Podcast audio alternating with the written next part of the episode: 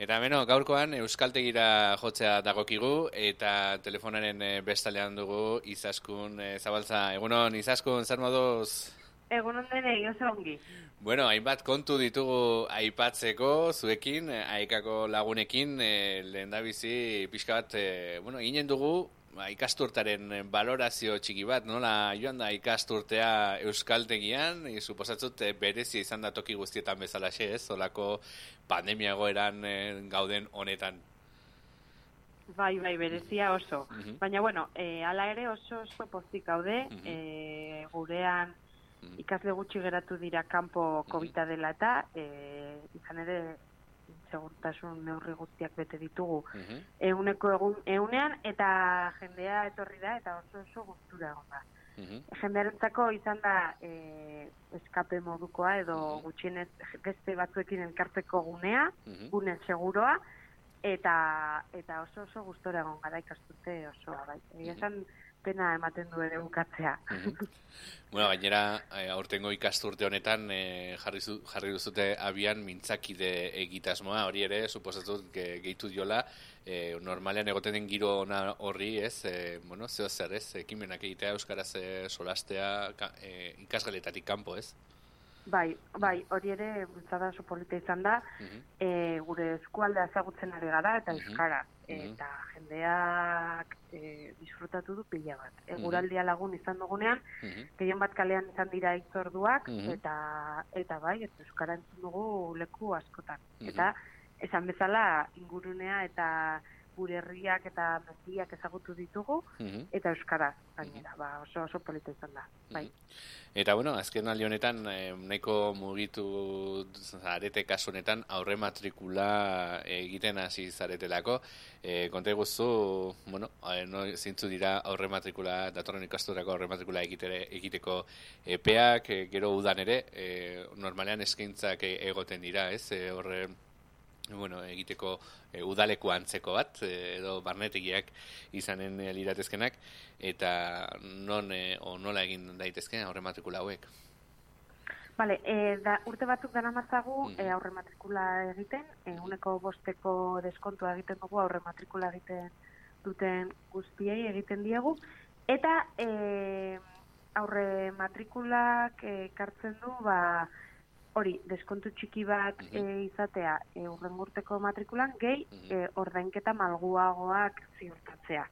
Orain, e, eginez gero, ba, egun euro ordaintzen dira orain ekainan, eta gero, ba, e, matrikula ordaintzeko, ba, beak luzeagoak dira, e, horrela erraztasunak dituzte matrikulak ordaintzeko.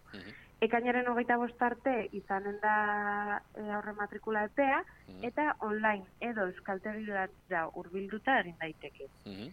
Unain ere, e, inork, barnetegiren bat egin nahi izango balu, ba, e, bertan informazio guztia dago, eta hortik ere, e, barnetegietara jo daiteke. Mm -hmm.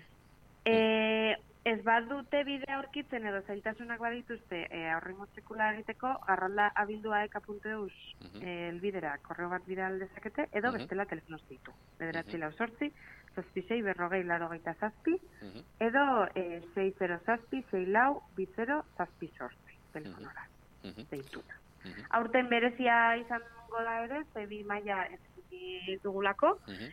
e, zebi maia... E, oso maila interesgarria da, e, polita esango nuke, e, egoera komunikatiboetara egokitzeko e, ikastaro berezia baita, eta, ba, bueno, e, te bata baduenak eta euskararekin berriro erlazioa izan nahi duen horri animatuko nioke, bazebian ere izena ematera.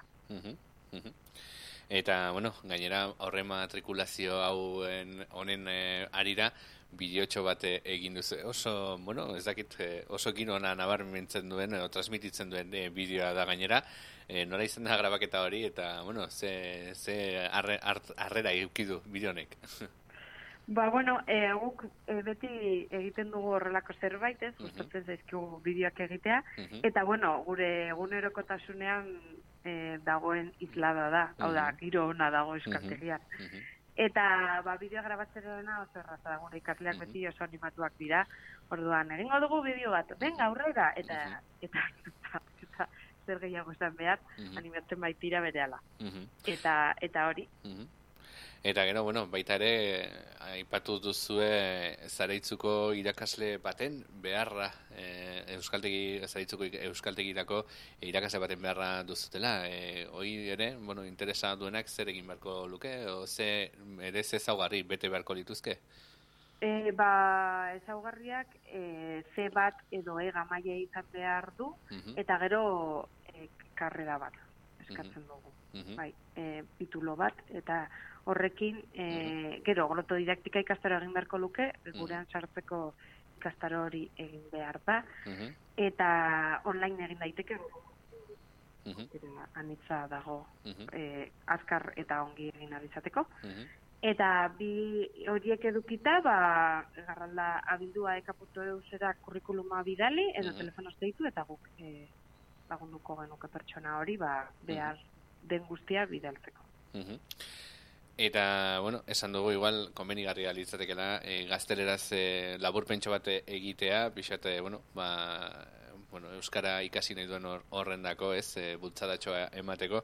Eh, decíamos que igual había que hacer un pequeño eh, resumen en castellano eh, para toda aquella persona que quiera aprender euskera o que esté, digamos, pensándoselo. Eh, bueno, cuéntanos, eh, Izaskun, cuál ha sido la valoración eh, de este curso, eh, cómo es eh, el aprender euskera en esta época de pandemia. Eh, ¿Lo habéis podido realizar con una, bueno, un toque de normalidad? Eh, sí, la verdad que ha sido muy positiva. Eh, la experiencia muy buena. Eh, no ha sido un problema el COVID, entre comillas, eh, porque bueno, hemos eh, teníamos todas las eh, toda la seguridad en todas las clases, eh, cumplíamos con todas las normas y la gente ha venido muy a gusto y, y ha respondido muy bien. Eh, poca gente se ha quedado fuera, quiero decir pues que le haya dado miedo a venir a clase porque la verdad es que eso ha sido una zona muy segura. La gente muy a gusto y, y ha participado eh, mucho, sí.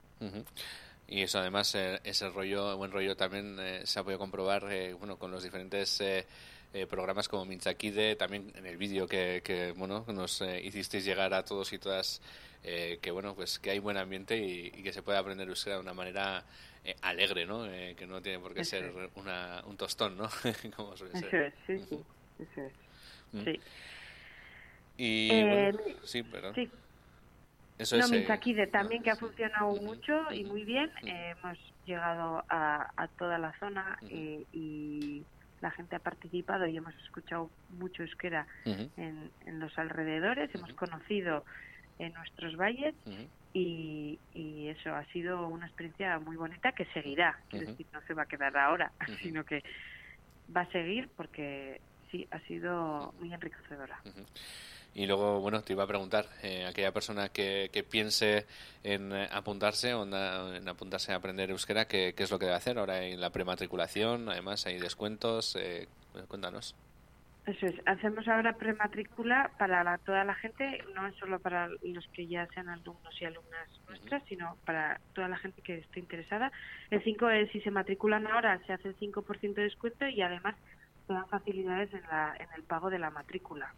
Eh, quiere decir que eh, toda, eh, la- si alguien quiere puede hacer el pago de la matrícula cuatro veces en cuatro tandas o, o en dos o en tres, eh, dar- además de dar el descuento del 5%, pues también serán facilidades de, a la hora de pagar la matrícula. Ahora se pagan 100 euros y después, según el, eh, la clase o la modalidad que elija, pues. Se, se termina de pagar la matrícula. Eh, se puede hacer vía online o viniendo de Euskaltegui y rellenando aquí la prematrícula y el, el último día para poder matricularse es el 25 de junio. Eta, bueno, bakarrik geratuko litzaiguke izaskun, ba, hoixe, zer esango zenioke e, gure entzulegoari, ba, bueno, animatu daitezen eta eman dezaten izena zuen e, ikastarotan, e, Euskara ikastera animatu daitezen, e, bueno, ba, zer esango zenioke? Ba, betikoa ez, ba, Euskarak gure bizitzan leku handia duela eta izan behar duela eta ba, eman behar diogula behar duen lekua. Eta beti ere ba, oso divertigarria dela euskara ikastea eta ikasten dela oso azkar eta oso polita dela prozesua eta ba hori gure hizkuntza ikasteko ba hementxe duela bere atea irekia basartzeko eta eta disfrutatzeko. Alaxe da, eta alaxe jakin izan dugu ere, gu eh, lehen pertsonan. Ba, hoxe, mila esker, e, izaskun gurean egon izanagatik, placer bat, eta hoxe, urte luzez izan da ia, e, hoxe, gainera. Vale, kerrik asko zuei.